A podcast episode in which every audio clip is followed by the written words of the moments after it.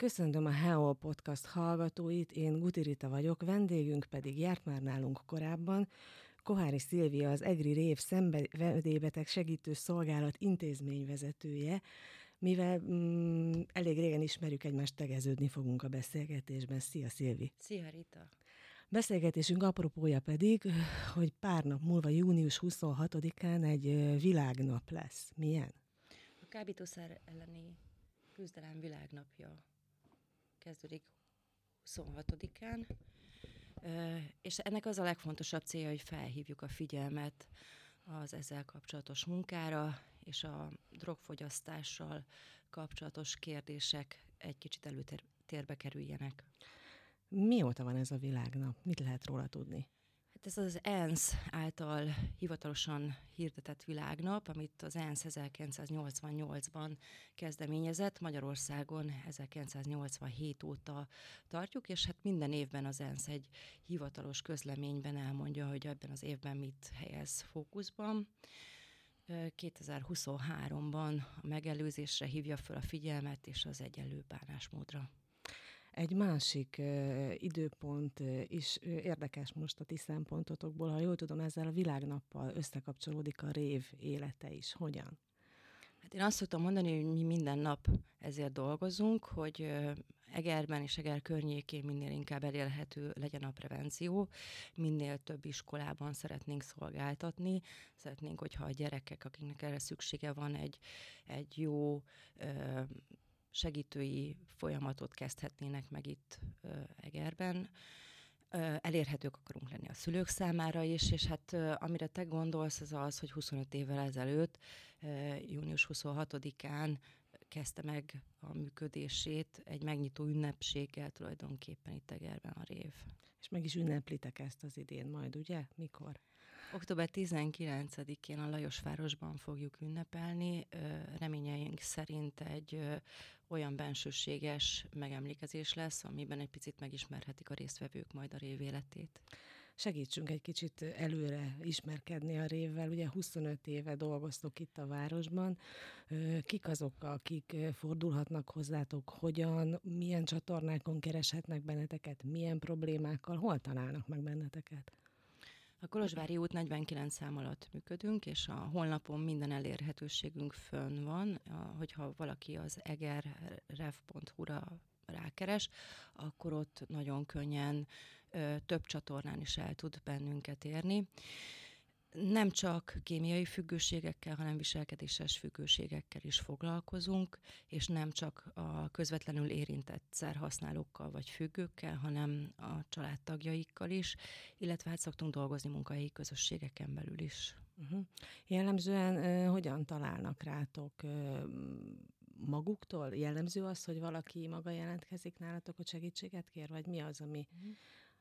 Igen, hát a, többnyire azt szokott történni, hogy Két, két lehetőség van. Először leginkább a hozzátartozók szokták észlelni azt, hogy nagy a baj, és hogy, hogy segítségre van szüksége a hozzátartozójuknak. Mi azt szoktuk mondani, hogy ők nyugodtan keresenek bennünket, amikortól úgy gondolják, hogy, hogy segítségre van szükség.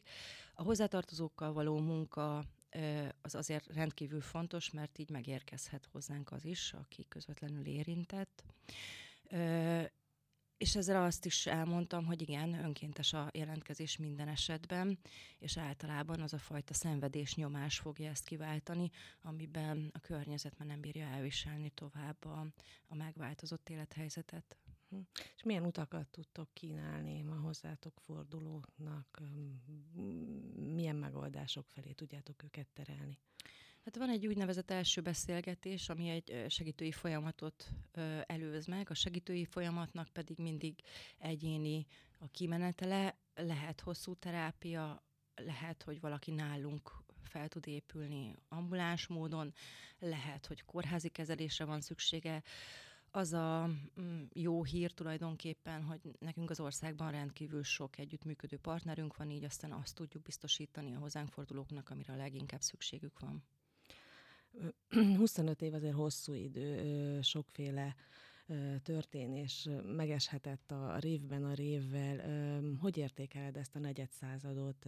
Sikeresek vagytok? Lehet ebben a munkában sikeresnek érezni magát az embernek? Lehet sikeresnek érezni, igen. Hát minden felépülő nap, tehát azt szoktuk mondani, hogy ha valaki 20-30 éve használ, akkor az első nap, amikor nem kell használnia, az egy csoda, és minden egyes további nap is ö, csoda, nekünk pedig sikerélmény. Az, hogy ez a, ezek a napok száma meddig fog nőni, az egy közös munka eredménye lesz. Úgyhogy én azt gondolom, hogy ebből a szempontból is sikeresek vagyunk, illetve hát még mindig vannak fejlesztési terveink, álmaink, és akkor szeretnénk tovább lépni, úgyhogy én azt gondolom. Milyen álmaitok vannak, elárulod? hát ö, ö, nagy, nagyon fontosnak tartanánk azt, hogy a fiatalok számára még jobb szolgáltatásokat tudjunk biztosítani. Azt gondolom, hogy a, megelőzés mellett a korai kezelésbevétel a legfontosabb, úgyhogy ezen a vonalon szeretnénk tovább lépni.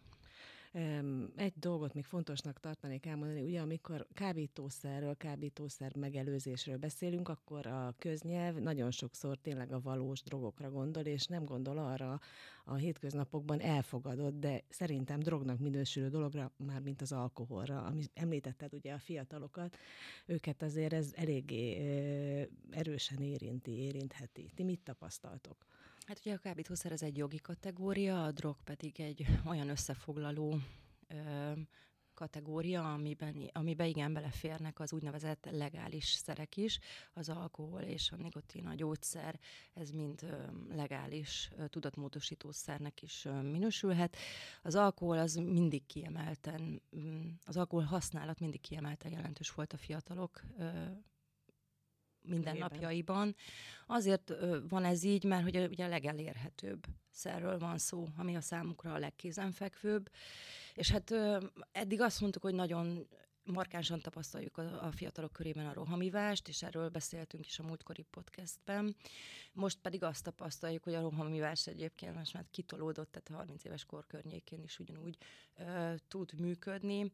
Én azt gondolom, hogy a beszűkülő anyagi lehetőségek, ezek ö, mindenképpen megváltoztatják a szórakozási szokásokat is, és ennek lehet ez a következménye ez ellen ö, talán a legnehezebb küzdeni, mert ö, nagyon sokszor ezt elfogadják. Tehát úgy vannak vele, hogy át jó fiatal bulizzon, de azért nagyon könnyen bele lehet csúszni egy függőségbe.